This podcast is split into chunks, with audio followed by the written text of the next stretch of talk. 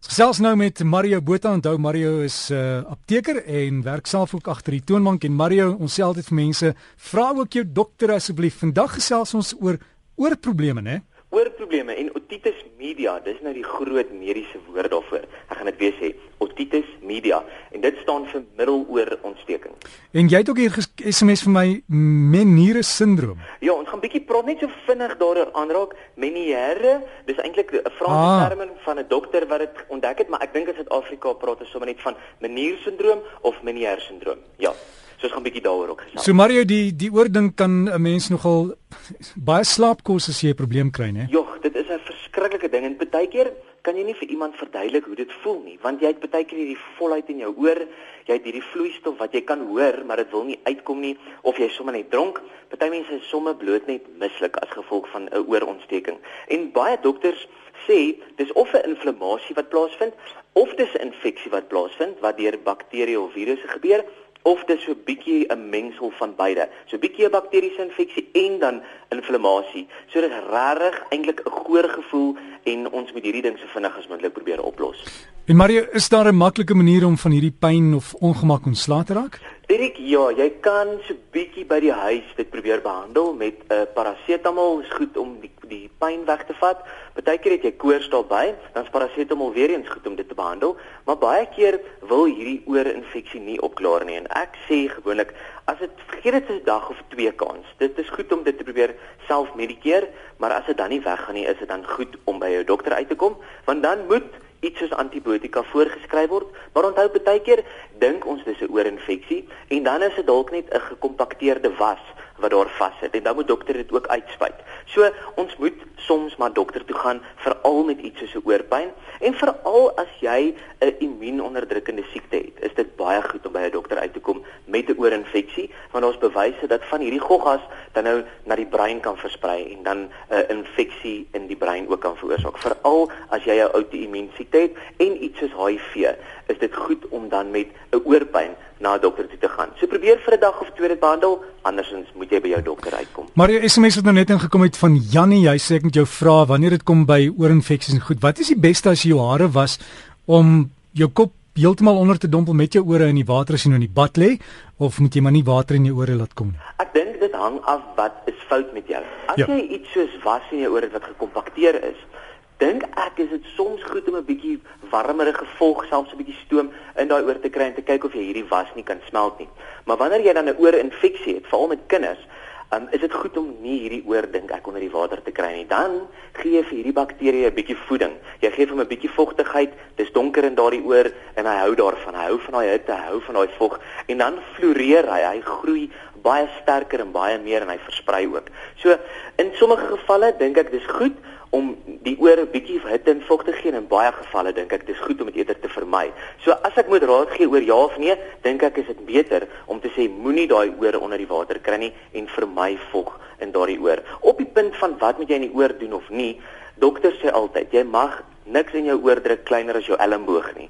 Want ons peter altyd met ons ore. Ons druk 'n pinkie in of 'n paperclip of 'n pen of 'n oorstokkie. Joeg, dis eintlik helletjies daai oorstokkies in die oor want dit kompakteer was verder en dan kompakteer jy sommer 'n gogga binne in daai oor vas en dan kan die oor nie kans kry om self te dreineer en van hierdie bakteriese infeksie ontslaaf van te raak nie. Ja, Mario, en dan dit is ook die plek waar jou liggaam se balans sit, is dit nie?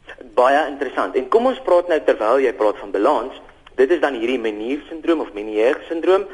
Hierdie is 'n sindroom waar jy dan hierdie vertigo kry waarvan jy nou praat, hierdie balanssentrum. En dit versteur die balanssentrum, maar jy kan ook voel dat jy 'n bietjie gehoorverlies kry en dat jy ook hierdie volheid in die oor kry of 'n suisende sensasie in die oor. En nou gaan jy vra, maar wat is die verskil tussen 'n oorinfeksie want dit klink of dit eintlik al die simptome insluit.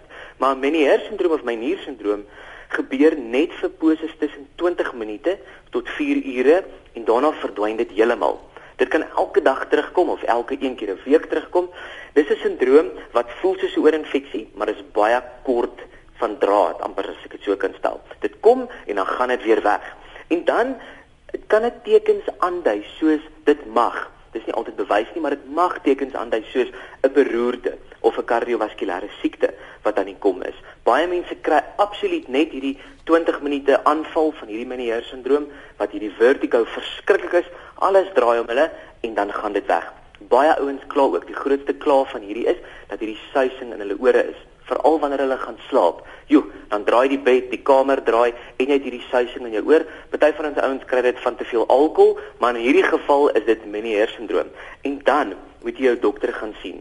As jy byvoorbeeld saam met hierdie vertigo hoofpyn kry, dubbelvisie, spraaksteurnisse, as jy val, is baie sleg vir al ons ouer mense as hulle hierdie Meniere sindroom kry en val, want dan is die oorsaak van die val hierdie vertigo. As jy borskaspyn kry of as jy 'n gevoel van pins and needles kry, dan moet jy by die by die dokter uitkom. So as jy tekens het wat vreemd is en dit gaan gepaard met 'n oorpyn of 'n oorinfeksie of deurmekaar gevoel, vertigo, dan moet jy by 'n dokter uitkom.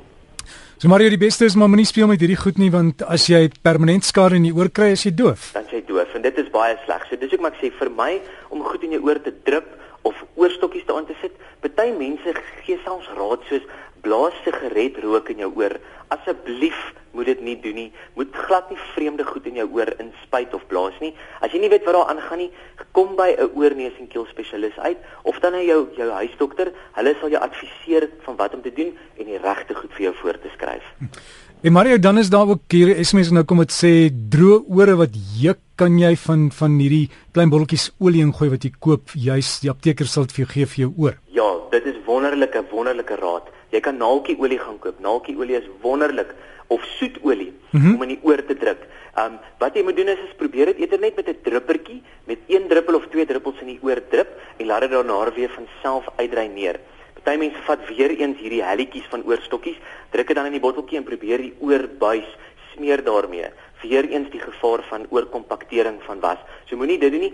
Drup eerder net een of twee druppeltjies in die oor en laat dit weer daarna dreineer. Dit kom veral voor hierdie tyd van die jaar wanneer die klimaat begin uitdroog, veral hier bo aan die rand dan kry ons hierdie ore wat vreeslik baie juk. So doen daai soetolie.